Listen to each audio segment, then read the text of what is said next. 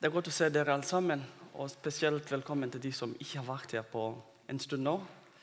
Om det er uka eller år. Jeg håper ikke det, men, uh, men i hvert fall velkommen alle sammen. Um, I dag så har jeg valgt tema 'Et hjerte for Gud'. Og um, Jeg har tenkt de siste ukene jeg har fått, fått lov til å reflektere litt på, på akkurat dette temaet. Og fordi jeg ser at jeg mangler veldig mye sjøl i, um, i, det området, så tenkte jeg at uh, det er sikkert ikke bare meg som, som, som har mangler, men at kanskje det er flere iblant oss som, som kan ha samme, samme, mangler, eller eh, ja, kanskje litt forskjellige, da, men, uh, men allikevel så tenker jeg at uh, det kan være til nytte for oss alle. Derfor deler jeg i dag om et hjerte for Gud så må jeg si at uh, Gud han, uh, han, egentlig jobber uten at vi ser det.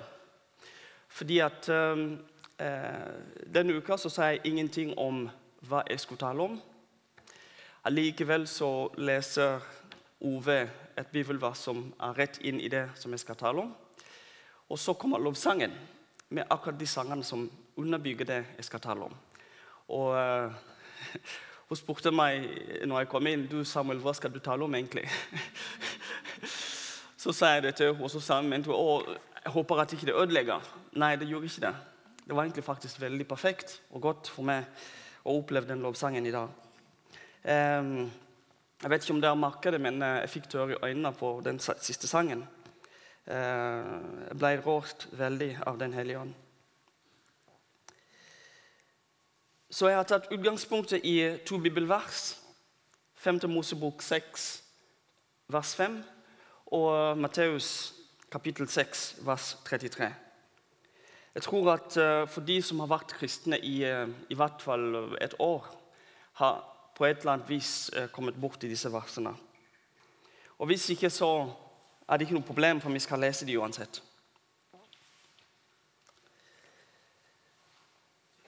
5. Mosebok 6,5, der står det Du skal elske Herren din Gud av hele ditt hjerte og av hele din sjel og av all din makt. Du skal elske, elske Herren din Gud av alle ditt hjerte, av alle din sjel, av hele din sjel og av alle, all din makt. Så har vi Matteus kapittel 6, vers 3. Der står det 'Søk først Guds rike og hans rettferdighet'. Så skal dere få alt det andre i tillegg. Søk først Guds rike og hans rettferdighet. Så skal dere få alt andre i tillegg. Begge disse versene peker på et behov for et hjerte for Gud. Vi kan knapt oppfylle disse kravene, i hvert fall det som står i de to bibelversene, hvis, hvis ikke vi har et hjerte for Gud. Versene krever De krever um, vår vilje til å ofre alt for Gud. Um, og når jeg sier alt, så tenker jeg, jeg tenker egentlig alt. Det krever alt som vi holder kjær til oss sjøl. Det kan være alle de relasjonene vi har bygd rundt oss i alle år. Det krever det vi mener er privat til oss sjøl. Det krever alt vi eier, og alt vi er. De krever det som definerer oss. Altså Hvis man skulle spørre deg hva definerer deg som person De tingene der som du nevner i svaret, de krever Gud, eller disse versene. De krever de tingene av oss. Alt det som er synlig og usynlig, som vi mener tilhører oss, det krever disse versene. At vi elsker Gud med våre hjerte, eh, hele vårt hjerte, hele vårt hjerte Nå skal det bli vanskelig. Du skal elske Herren din Gud av hele ditt hjerte, av hele din sjel og av all din makt. Og Så må du søke først Gud, og så skal disse andre ting gis til deg i tillegg. Så disse versene er veldig er veldig tunge sånn sett. Alt vi har og alt vi er, skal være disponibel for Gud. Og så skal Gud ha høyest prioritert. Og Da skjønner du hva jeg mente når jeg sa at den siste sangen som vi sang nå Jesus skal løftes opp over alt andre. Gud skal løftes opp. Han skal prioriteres. Han skal ha førsteplassen i våre liv. Ingenting i livene våre skal kunne overgå Gud og det han vil for oss, eller med oss, når det gjelder prioriteringslista vår. Altså Når du legger en plan for et år, eller for en uke eller for en dag, da skal Gud være nummer én på den lista. Valget om Gud eller annet skal være avgjort før spørsmålet er stilt. Altså, Vi skal ikke diskutere om vi skal prioritere Gud eller noe annet. Det skal være Gud, og så kommer noe annet. Hverdagen skal underordnes Gud og hans vilje. Det vil si at Gud skal ikke konkurrere med andre og eller alt annet for oss. Og Så kan vi velge selv om vi skal gjøre det komplisert og stille praktiske spørsmål. Hva med vi skal jobbe på søndag? Hva med familien skal ta vare på barn? Og to, to, to, Ja, du kan nevne det. Men til slutt så er det Gud som er nummer én. Det er ingenting i veien for at vi skal, eh, for at vi skal håndtere både disse praktiske spørsmålene samtidig som vi prioriterer Gud høyest.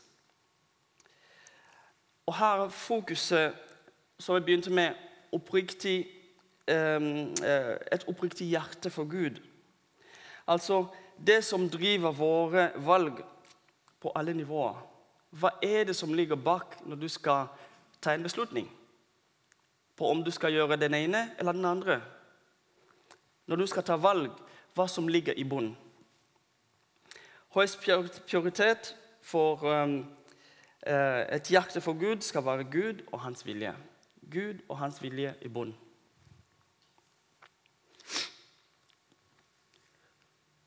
Og Så krever disse versene også en slags dum tro av oss.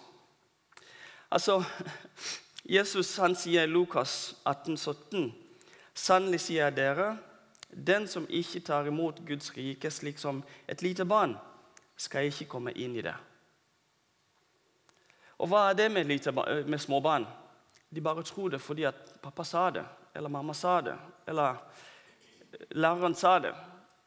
Så tror de på det, så går de på det. Vi skal kunne tro på Gud om ikke, selv om vi ikke forstår alle detaljene om hvordan helheten henger sammen. Når, det betyr at når det står i Bibelen 2. Korinter, for eksempel, kapittel 12, vers 9, at min nåde er nok for deg, så skal vi ta det inn over oss. Det er ikke noe diskusjon om det. Kan, ja, altså, Gud har sagt det. Det må være sant. 2. Korinter 5, 17, så står det Nei, den som er i Kristus, er en nyskapning.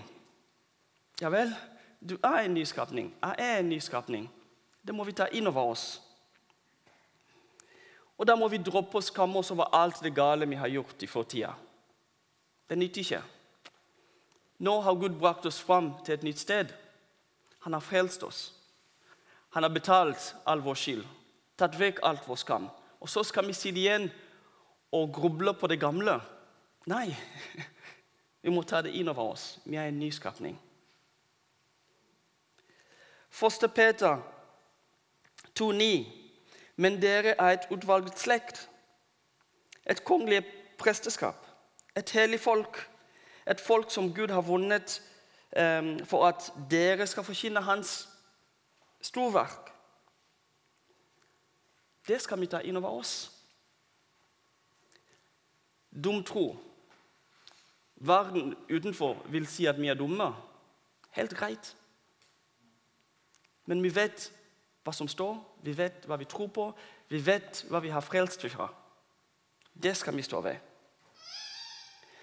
Og så kan vi, Mange av disse loftene som er i Bibelen, og sånt, lista er veldig lang. Men nøkkelen, nøkkelen ligger i, at, eh, i å ha et hjerte som, som evner seg um, uh, Som evner til å ta til seg det Gud har gjort for oss, det Han har lovet oss. Eh, kort sagt et, en tilstand der man har et oppriktig hjerte for Gud.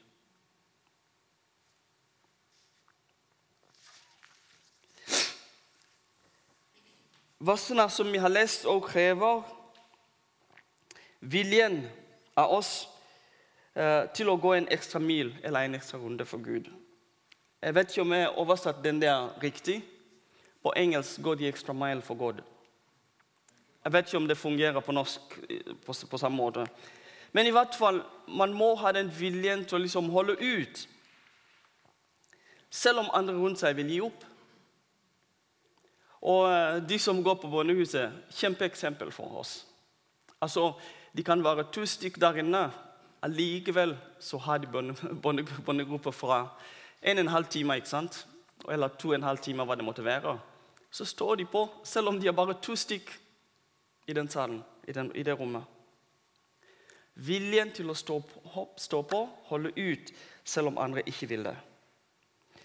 Viljen til å fortsette selv når alt ser håpløst ut. De første disiplene og apostlene eh, som opplevde forfølgelse, og allikevel klarte å fortsette i, sitt, i sine kall. Eh, de, altså, de ble spredt rundt om i verden. Allikevel klarte de å vedlikeholde den troa de hadde, og formidle det videre til oss som lever i dag.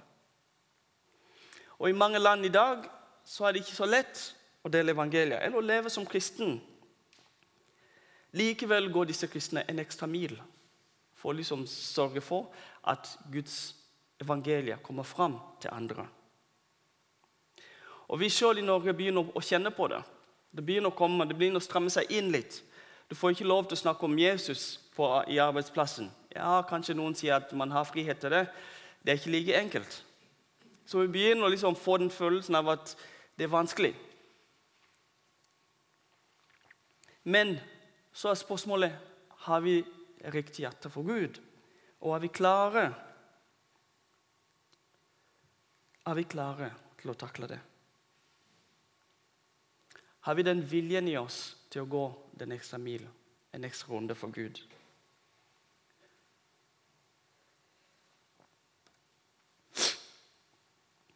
Hva nå krever at, um, at vi blir irriterende gode på å lytte til Gud og å gjøre det som Han har bedt oss om å gjøre. Eh, som oftest så er vi veldig flinke til å klage enn til å lytte til Gud. Jeg er veldig flinke til å se alt som uh, ikke fungerer, framfor å se det som Gud gjør iblant oss, og det som Gud ønsker å gjøre iblant oss. Vi skal ikke se oss blind på det som ikke fungerer. Nei. Men vi må også bruke de evnene vi har, eller de som vi er begavet med, til å lytte til Gud og til å gjøre det Han har bedt oss om. Lytting og, og, og, og det med å gjøre er vesentlig i oppfyllelse av kravene i disse to versene, Mosebok og Matteus. Jakob kapittel 1, vers 22, der står det at dere må gjøre det det ordet sier, ikke bare høre, ellers vil dere bedra dere selv. Dere må gjøre det ordet sier, ikke bare høre det. Ellers vil dere bedra dere selv. Dersom vi har et hjerte for Gud, vil vi kunne gjennomføre begge, begge to på en irriterende god måte.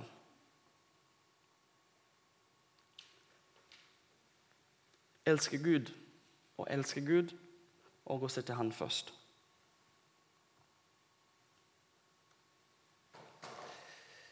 Vi også får en, en, um, en oppfordring til å ha Gud som pådriver av det vi gjør. Og Det betyr at um, Vi må ledes Når begynte jeg? Ok. Vi må ledes av Den hellige ånd. Dette kan være vanskelig å forstå. Altså, hvordan skal det skje? Hvordan kan jeg vite at jeg er i Den hellige ånds ledelse? Hvordan hører man Den hellige ånd egentlig? Hans stemme? Og så videre. Kan stille masse spørsmål. Det får bli en annen taler. Men uh, Den hellige ånd har både ønsket, viljen og evnen til å snakke med hver enkelt av oss. Og det er om vi er kristne eller ikke. Det er en stemme i deg. Det er en stemme i hver enkelt av oss som lofter fram det gode, det gode, og som kjemper mot det onde i oss. Det er Den hellige ånd. Som sier, den stemmen som sier 'Gud fins', og at han bryr seg om deg. Den stemmen er Helligånd. Er du villig til å la deg bli ledet av Den hellige ånd? Altså hele døgnet, hele uka, 24-7. Vi må holde fokus eller søkelyset på sannheten som kilden av vår frihet. Ehm, det er ikke landet vi bor i, som gir oss friheten. Det er ikke jobben vi gjør, som er kilden av vår frihet. Det er ikke den familien vi kommer ifra, som er kilden av vår frihet. Det er ikke våre eiendeler som er kilden av vår frihet. Det er ikke vår vennekrets som er kilden av vår frihet. Det er ikke alt annet vi måtte liste opp, som gir oss frihet, eller som er kilden til vår frihet. Fordi at alle disse tingene de forsvinner etter hvert. Alt forsvinner etter hvert. Vi mister familien, vi mister venner. Disse eiendelene vi har her Ja, en dag så kommer siste pusten. Og da er de helt meningsløst. Alt sammen. Men det står i Johannes 8, 32 Jeg skrev på engelsk der. John 8. Ja. Da skal dere kjenne sannheten, og sannheten skal, dere, skal gjøre dere fri. Akkurat som du leste i dag. Sannheten skal sette oss fri. Om du vil ta alt for meg, så la meg beholde sannheten om Gud. Om det han er, om det han har gjort for meg, om det han har lovet meg, både her og nå på jorden, men også i evigheten etter at livet er slutt. Om det jeg er i Jesus, la meg beholde den biten der. La meg beholde et hjerte for Gud.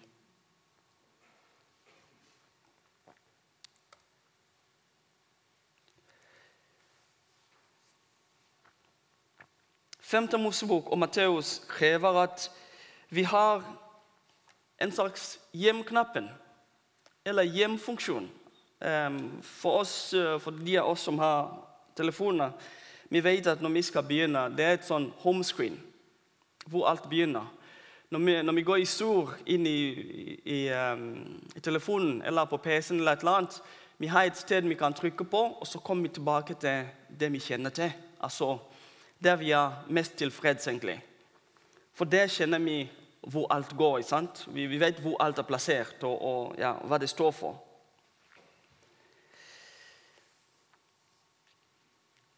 Altså, Gud må være et nullpunkt for oss.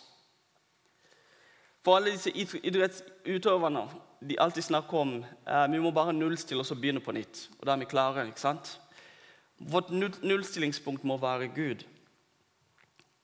Han må være den der hjemmefunksjonen det må være linka til han. Når alt blir turbulent og uklart for oss, eh, da navigerer, oss, da navigerer vi oss tilbake til Gud for å finne oss selv igjen.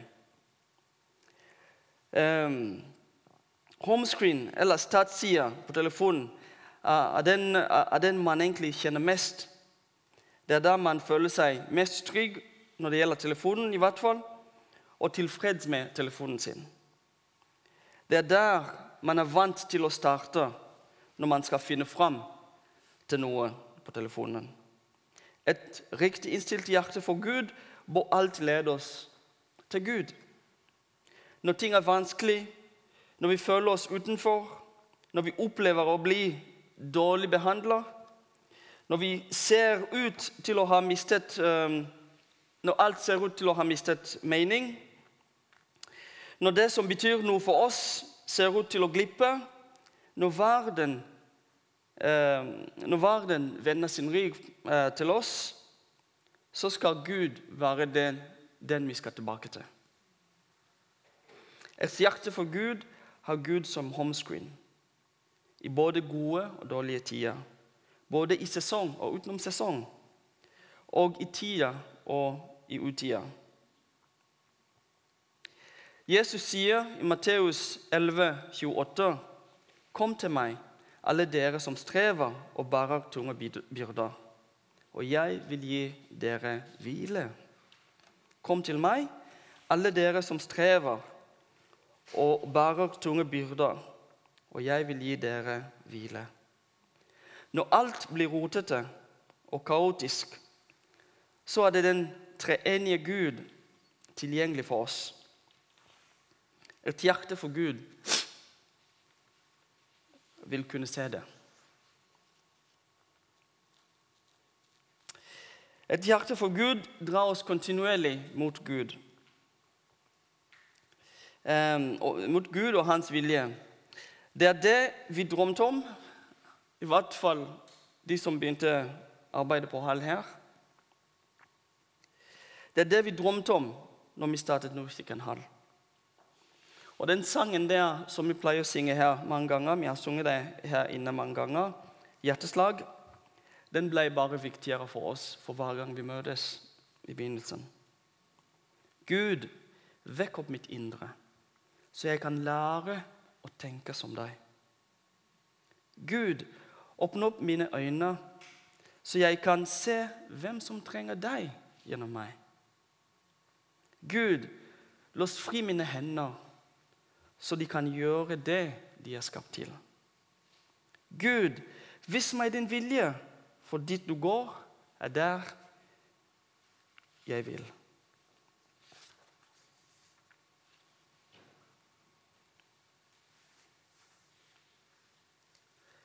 så må vi ikke skamme oss over Gud og hans evangelie. Paulus han skriver Roma, til romerne, eh, første, første romerne 16. Der står det For jeg skammer meg ikke over evangeliet. Det er Guds kraft til frelse for hver den som tror. For jeg skammer meg ikke over evangeliet. Det er Guds kraft til frelse for hver den som tror. Et hjerte for Gud unnskylder seg ikke når muligheten for å lofte fram Gud og evangeliet byr på seg. Vi har lett for å finne en god grunn til at vi kan bortforklare at det ikke passer. Altså det, det, var ikke anledning, det, ikke, det føltes ikke riktig, sier vi. Men et hjerte for Gud sier ikke det. Er det anledning, så bruker man den anledningen man har.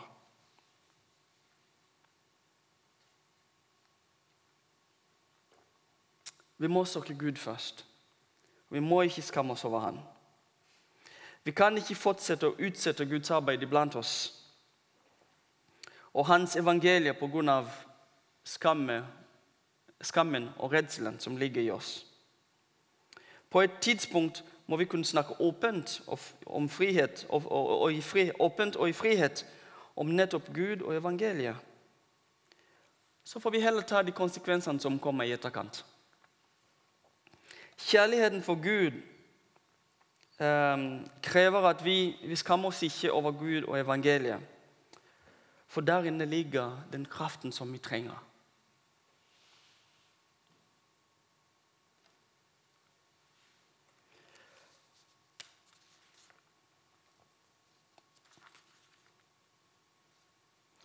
Så vil jeg legge til siste et siste punkt der. At vi må klare å ha riktig rekkefølge. Det er Gud først, så kommer alt annet. Ikke motsatt. Og uh, vi må ikke prøve oss på en hybrid. Altså uh, Ja, uh, når det passer, så er det Gud som er først. Når det ikke helt passer, så, så nedgraderer vi litt, og så, og så, finner vi en løsning som er en sånn mellomløsning. Vi er veldig flinke til å relativisere alt. ikke sant? Ja, det er relativt, liksom. Nei, det er Gud først, alt annet etterpå. Rekkefølgen må være riktig. Og det gjelder både det åndelige, det praktiske, det menneskelige og, og alt innimellom. Det skal være Gud først. Gud skal være pådriveren av alt vi er, alt vi har, alt vi gjør. Han skal få lov til å påvirke våre beslutninger lenge før vi kommer dit at vi må ta en beslutning. Og Hvis du ser hele den lista som jeg har skrevet, det er nokså lang, og, og, og det kan føles som Hvem er det egentlig som klarer det? Det blir så voldsomt og nesten uoppnåelig. Hvem er det som kan klare det? Men vi må huske at um, først så har Gud sagt at han er med oss. Han har lovet å være med. Og Det står i 5. Mosebok 4,29.: men, dere, men dersom dere søker Herren, din, eh, din Gud, der, skal du finne ham når du søker ham av hele ditt hjerte og hele din sjel. Så han er tilgjengelig. Det, er egentlig, det står på oss å ta det steget. Han er tilgjengelig. Han har sagt vi vil finne ham hvis vi søker ham med, av alle eh, vårt hjerte og, og, og, og uh, hele vår sjel.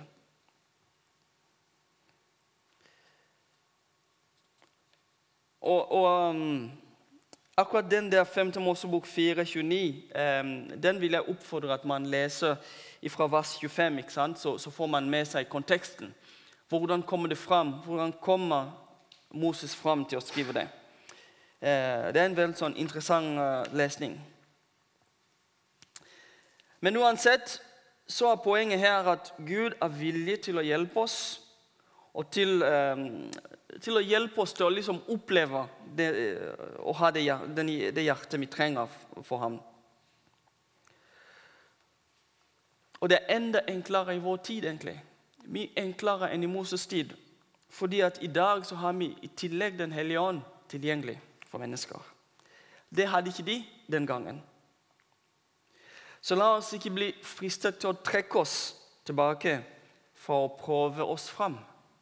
Ikke sant? Dette blir vanskelig. Nei, jeg klarer det ikke. Og så trekker vi oss tilbake istedenfor å si ok, dette er vanskelig, jeg skjønner det, men Skriften sier, så gjør jeg. Vi er ikke bedt om å være perfekte, men vi er bedt om å være villige, eh, eller å ha et hjerte som er villig for Gud. For det andre så um, er det flere som har gått foran oss. Ikke sant? Først er Gud med. For det andre så er det mange som har gått foran oss. Og de som har gått foran oss, ofte når vi nevner eksempler, sånn som jeg skal gjøre nå, der dukker opp mange av disse store navnene som ser ut som folk som aldri har noe feil. Men jeg har vært så heldig og reflektert og fant ut at nei, det er egentlig ikke bare de som er gode, flinke og smarte og, og veldig åndelige, som har klart det. Jeg skal se noen av disse eksemplene som vi kommer til. Hvis vi sa Kain og Abel, så har vi to brødre. Begge to gjør akkurat det samme, i hvert fall utvendig. De kommer med et offer til Gud. Ikke sant? Første Mosebok, kapittel 4. De kommer med et offer for Gud. Så legger de fram begge to. Og så blir offeret til, til, Abel godtatt av Gud, og ikke den til Kain. Altså, Plutselig er det forskjellsbehandling. Og Det som ligger bak, egentlig, når du leser hele teksten, det er hjertet.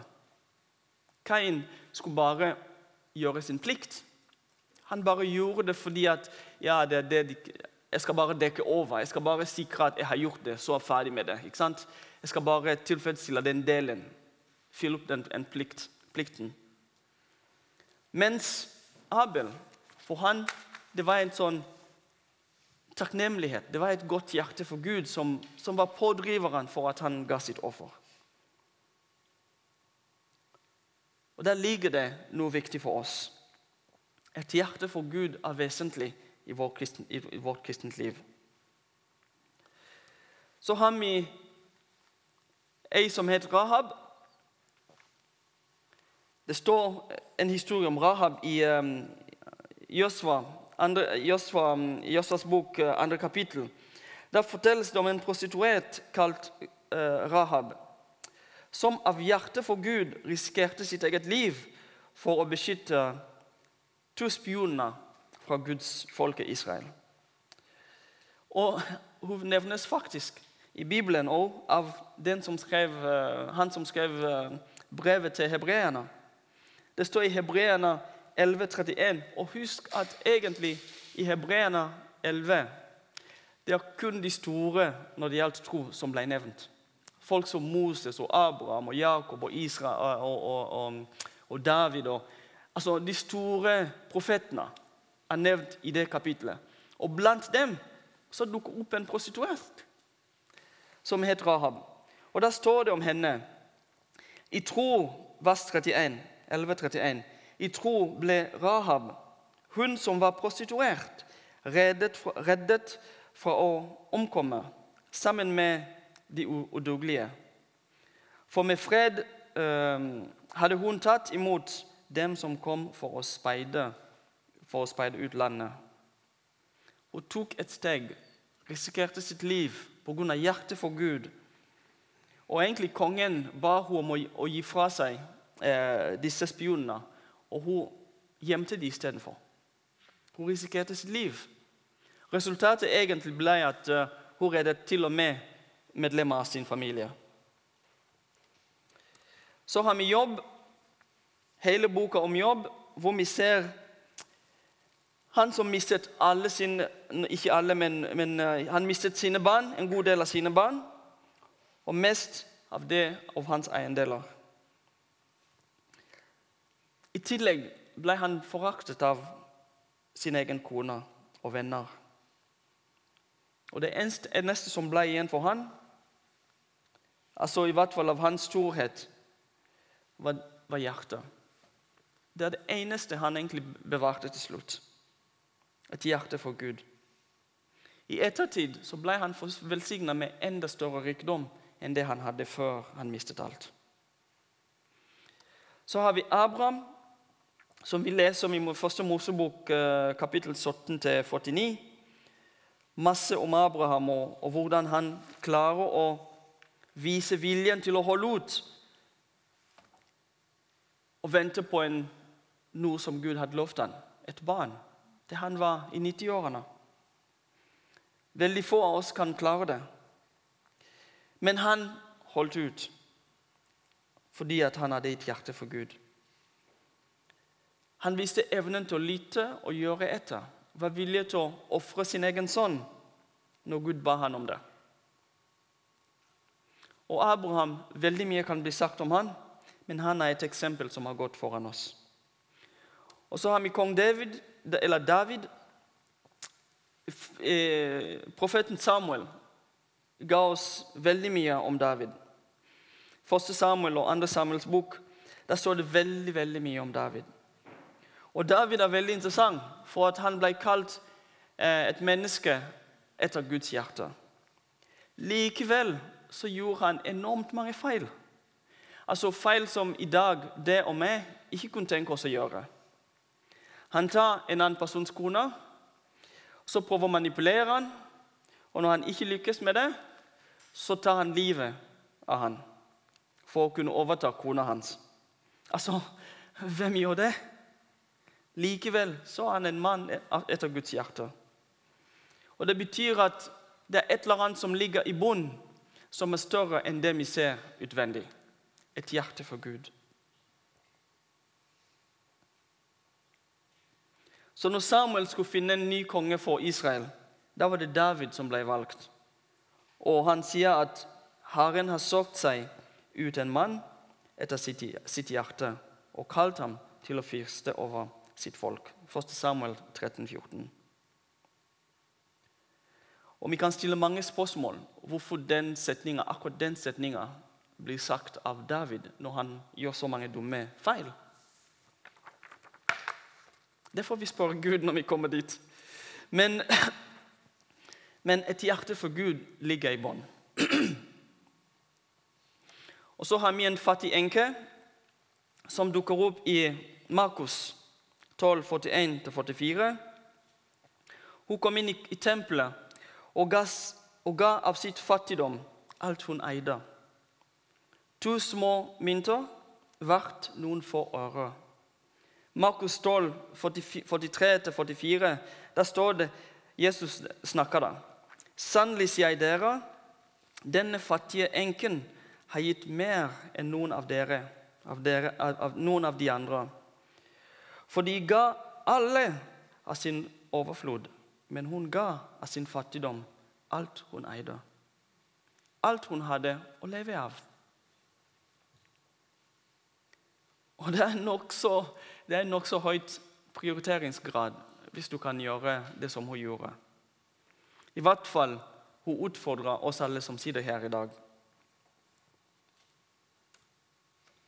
Så har vi kvinnen som eh, som levde, Bibelen beskriver henne som ei som levde et syndefullt liv. Hun inviterte seg sjøl til huset til Simon, der Jesus var på besøk, og gråt og vasket hans føtter og salvet dem med parfyme. Og um, hun var, hun var dreven egentlig av takknemlighet for den tilgivelsen hun hadde fått men som ingen andre forsto. Det måtte en hel del uh, forklaring fra Jesus. Han måtte gi en fortelling for liksom få de andre til å forstå dybden i det som hadde skjedd for henne. Og Til slutt så sa Jesus til hun, eh, kvinnen, eh, Lukas 7,50.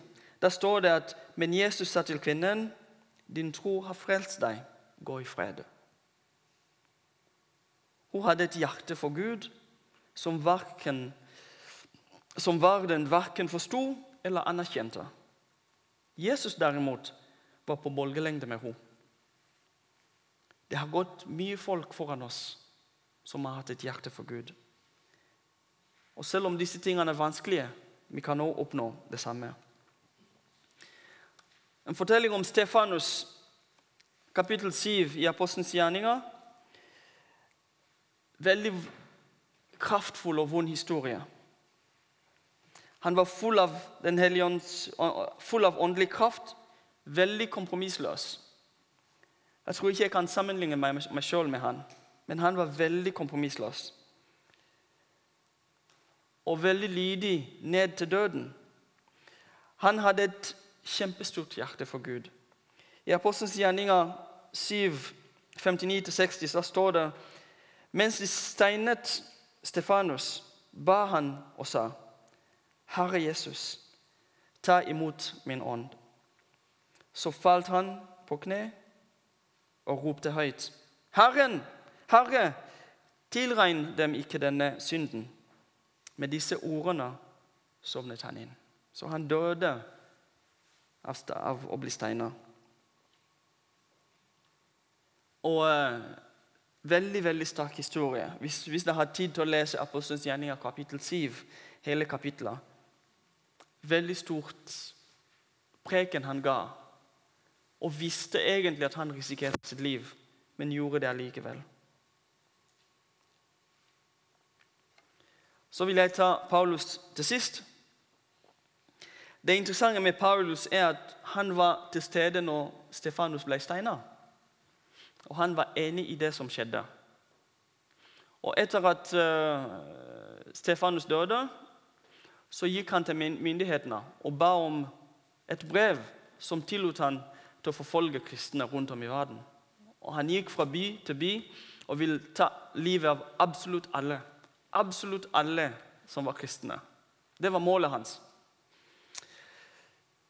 Så ble han møtt av Jesus.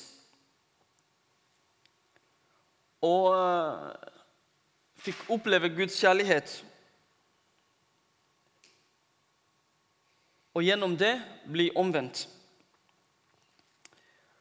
Og begynte å ha et stort hjerte for Gud. Og det er veldig interessant at han summer opp det som jeg tror er en viktig nøkkel for oss i dag. Han skriver til Filippene, kapittel 3, vers 13-14. Mine søsken, jeg tror ikke om, om meg selv at jeg har grepet, jeg har grepet det. Men én ting gjør jeg. Jeg glemmer det som ligger bak, og streker meg etter det som er foran. Og gjøre fram mot målet. Men én ting jeg gjør, jeg glemmer, jeg glemmer det som ligger bak, og strekker meg etter det som er foran, og gjøre fram mot målet. Disse har gått foran oss og mange andre. Profetene, andre disipler. Masse vi kan nevne. Av folk som er vanlige folk som oss. Altså Hvis du tar de tolv disiplene som, Gud, som Jesus valgte Helt ordinære mennesker som var villige til å liksom ta det hjertet for Gud, så gi seg sjøl til Gud. Og Jeg syns at Paulus har et veldig godt poeng. Vi kan lære av fortiden vår, men vi kan ikke leve i fortiden vår. Vi må på en eller annen måte komme oss videre. Lese av den bagasjen som, eh, som vi bar med oss. og heller begynne med et blankt ark. Tenke framover. Og syndene Gud har, Gud har lovet at han vil tilgi oss. I dag under nattvaren det var et bønn der. Tilgi oss alt vi har gjort. Og Det må vi ta inn over oss. Han har tilgitt oss. Så skal ikke djevelen minne oss på det som, som ligger bak. Alle de kranglene som ligger bak oss Alt det, vonde, alt det vonde som ligger bak oss, det er forbi. Gud gir oss en ny sjanse. Når vi er tilgitt og renset av alt urett, så slår hverdagen inn. Så kommer spørsmålene tilbake.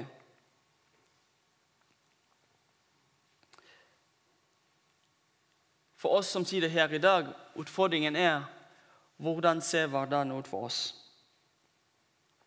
på jobben og i familien. Hvordan, hvem er vi? Hvem blir vi etter i dag? Blir vi den personen som eskalerer konflikt? Blir vi den personen som bringer fred i familien og på jobb? I nabolaget, blant venner? Hvem er vi etter i dag? Økonomien vår, hvordan blir det etter i dag? Hvordan blir det? Blir det skatt, lån, huslånet eller billån eller whatever? Eh, og så mat og klær, drift av bil og hus, andre aktiviteter, sosiale aktiviteter. Eh, og til slutt, hvis det blir noe igjen, da leverer vi over en hundrelapp på søndag til Gud. Blir det sånn vi skal ha livet vårt framover? Eller vil vi velge riktig rekkefølge? Ok? Gud først. Vi gir han det han har lagt på hjertet vårt. Gud, den delen av økonomien, den er din. Jeg skal ikke bry meg om det. Så skal jeg prøve å klare meg med det som blir igjen. Hva med vår holdning til Guds folk, fellesskapet? Åssen blir det etter i dag? Hvordan kommer vi til å vise et hjerte for Gud overfor folkene vi, går, vi omgås i åndelig sammenheng eller i kirkesammenheng, i menighetssammenheng? Vil vi klare å se forbi de åpenbare feilninger Feil aha, åpenbar. Oh, jeg må ta det på engelsk først.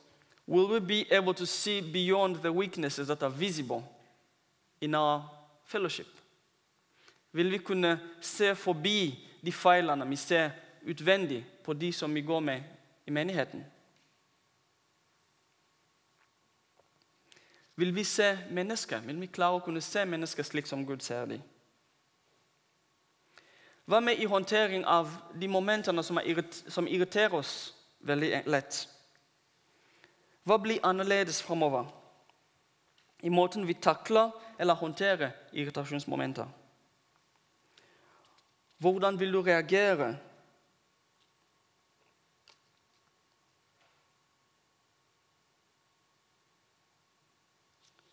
Hvordan vil du reagere når det, når det, når det gjelder urettferdighet eller folk som sårer deg, eller folk som er uenige med deg? I vårt samfunn i dag så er uenighet nesten lik fiendskap. Det skal ikke være sånn. Det skal være lov å være uenige og allikevel være venner. At vi ikke er enige om et punkt, betyr ikke at vi ikke er venner. Hva med for oss som menighet? Hva blir annerledes i morgen?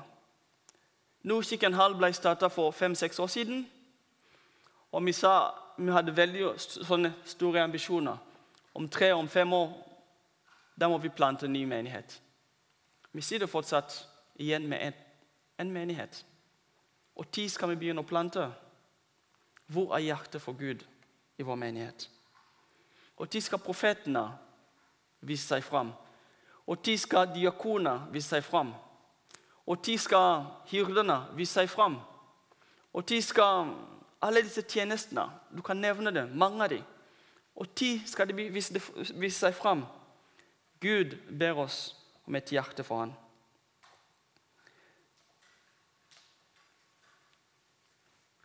Jeg håper at jeg har utfordret deg slik som Gud har utfordret meg sjøl. Jeg håper at vi kan ha et hjerte for Gud framover. La oss be. Far i himmelen, vi takker deg veldig for ditt ord. Takker deg veldig for det du utfordrer oss, oppfordrer oss til i dag. Takker deg for de som har gått foran oss og har vist oss veien. Jo, takker deg for det livet du har gitt oss. Takker deg for de opplevelsene vi har hatt. Så ber vi nå at Gud du tilgir oss vår skyld. Ta vekk vår skam. Og så gi oss frimodigheten til å oppleve din kjærlighet.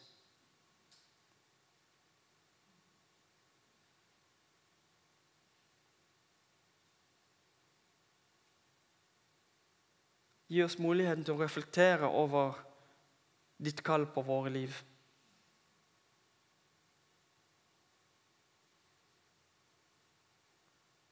Et hjerte for Gud. Et hjerte for deg. Hjelp oss, Gud.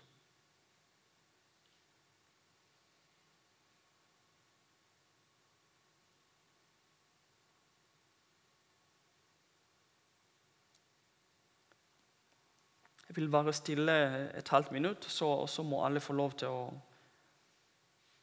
til å gi uttrykk til Gud i stillhet. Hver for seg.